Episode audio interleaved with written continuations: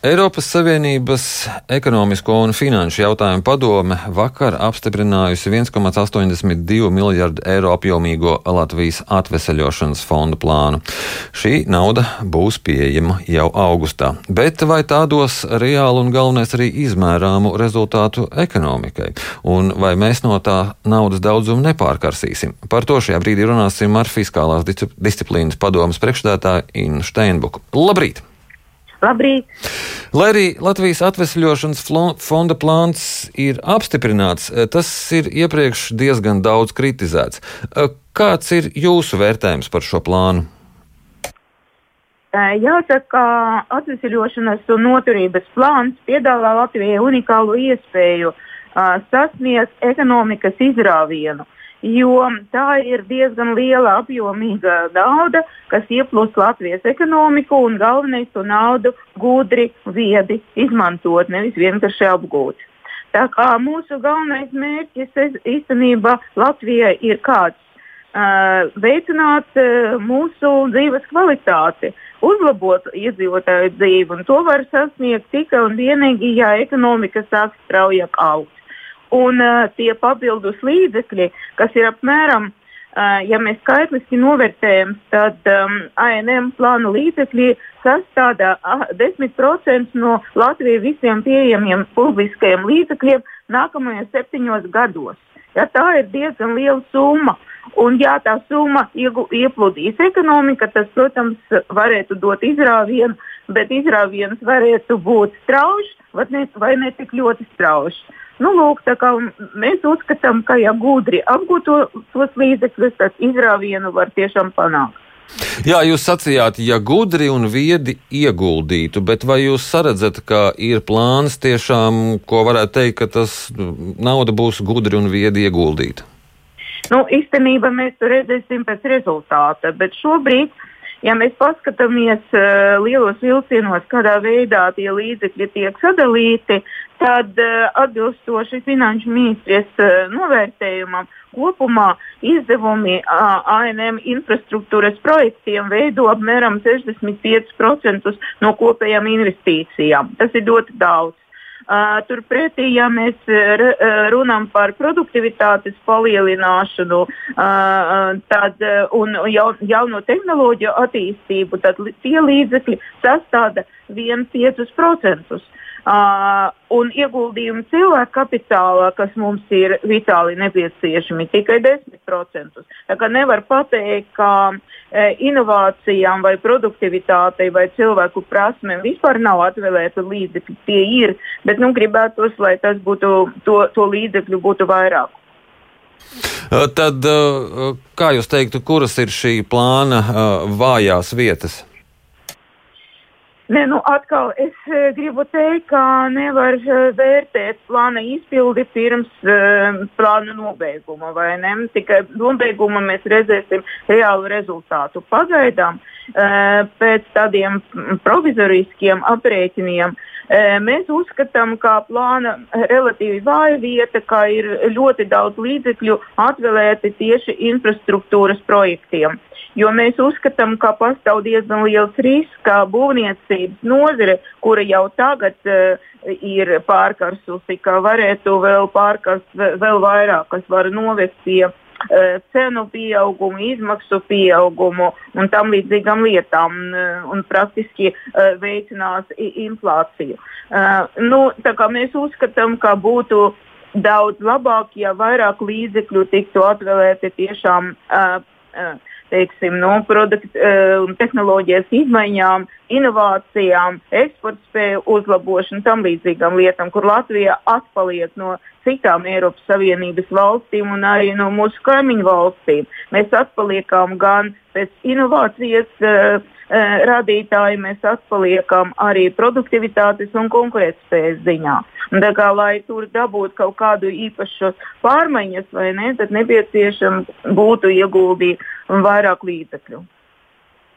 Jā, jūs jau sakat, ka būvniecības nozare pārkarsta, bet vēl jau bez šīs naudas, kas būs infrastruktūrā, vēl jau nāk Rail Baltica nauda, Eiropas fondu naudas. Tur nebūs pārāk liela pārkaršana? Nu, to mēs atkal redzēsim pēc, pēc, pēc rezultāta, bet mēs vienkārši norādām uz šādu risku. Jo ko nozīmē nozares pārkaršana? Tas nozīmē, ka uh, faktiski nozares jauda jau ir tāpat ļoti noslogota, uh, kā trūkst uh, vispār darbinieku, trūkst speciālistu, trūkst, uh, tā, tā, tā, um, trūkst vispār nu, to, to cilvēku, kas varētu uh, sniegs pakalpojums būvniecības nozarē. Uh, un tas va, viss var novest pie cenu pieauguma, izmaksu pieauguma, tādas tendences jau ir novērotas. Ja, ja tālāk turpināt gu, ieguldīt uh, lielus līdzekļus um, tajā nozarē, tas, protams, varētu novest pēc vēl lielākām izmaksām, vēl lielāku cenu kāpumu, un tas kaut kādā veidā var ietekmēt arī citas nozares un, un patēriņa cenas. Jā, tā, tā, tā ir, tā, tas ir risks. Mēs uz to risku norādām. Kā, kādā veidā valdība tiks galā ar šo risku, to mēs redzēsim. Ja, ja jūs sakat eh, to, cik, cik eh, liederīgi un eh, gudri šī nauda būs izmantot, varēs vērtēt pēc rezultāta. Bet kā šo rezultātu varēs izmērīt?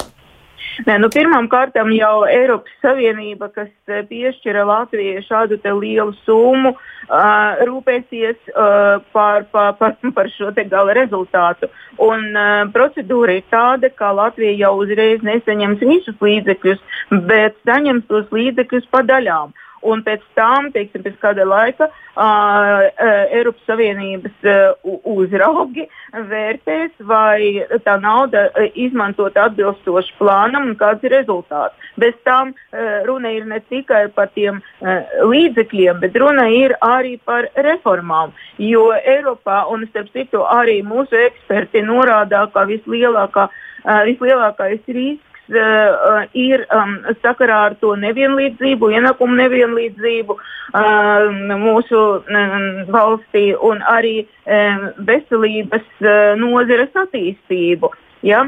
Un, un, um, un tas ir sasniedzams ne tikai piešķirot uh, konkrētu naudas summu, tas ir uh, sasniedzams arī caur uh, dažāda veida reformām. Tā ir skaitā caur nodokļiem, caur budžetu prioritāšu vērtēšanu un tā tālāk un tā joprojām. Tā kā mm, Eiropas eh, komisija praktiski uh, kā uzraugs um, sekos tam, lai Latvija arī īstenotu uh, paralēli ar naudas apgūšanu tas ne, nepieciešamas reformas. Un tikai, ja tiks uh, sasniegts uh, rezultāts, kas, protams, arī ir mērāms, ja, tad, tad arī ir speciāli indikātori, lai to, lai to izvērtētu. Tikai tad Latvija dabūs nākuma naudas porciju.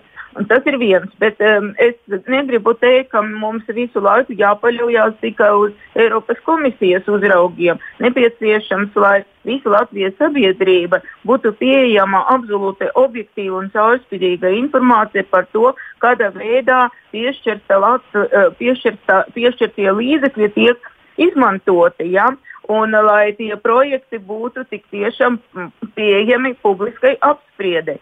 Un lai ne, neatkārtotos tāda sāga, kā, kuru mēs piedzīvojam, kā e-veselība, ja? lai Dievs pasargā, lai mums nebūtu kaut kādas tā, tam līdzīgas projektus. Ko, ar ko tas var beigties? Kas var beigties? ja būs tāda sāga. Nē, nē, nu, es principā esmu optimists. Es uzskatu, ka mēs visi esam mācījušies no pieļaujamām kļūdām. Un ņemot vērā, kā tomēr stimuls saņemt visu piešķirto naudu ir ļoti liels, Es ļoti ceru, ka Latvijas valdība nepieļaus šāda veida kļūdas un šāda te, uh, nu, šāda te sāga neatkārtosies. Vienkārši tā ir rūkta mācība, uh, kuru jāņem vērā, in, uh, uh, investējot jebkurus uh, pieejamos līdzekļus. Īpaši, ja tie līdzekļi ir, kas saka, dāv, dāvana.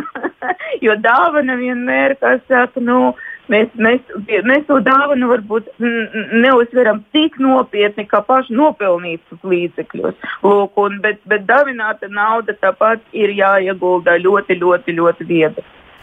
Jā, jūs sakat, ka jūs esat optimisti. Jūs arī optimismus raugāties uz tām gaidāmajām diskusijām uh, par nākamā gada budžetu?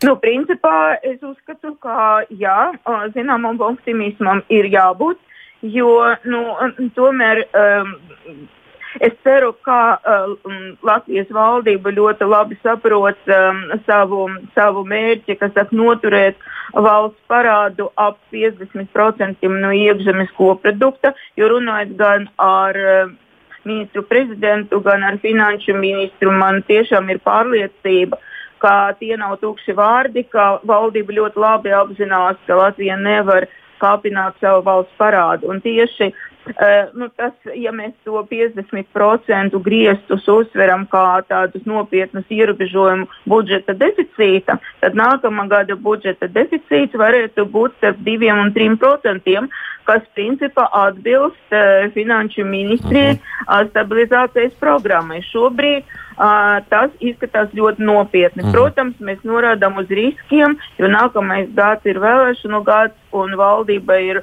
būs diezgan grūti, kas pavisam savilk joslu. Man jāsaka, jums paldies par šo sarunu. Atgādinu, ka mēs sazinājāmies ar Fiskālās disciplīnas padomas priekšstādātāju Innu Steinbuku.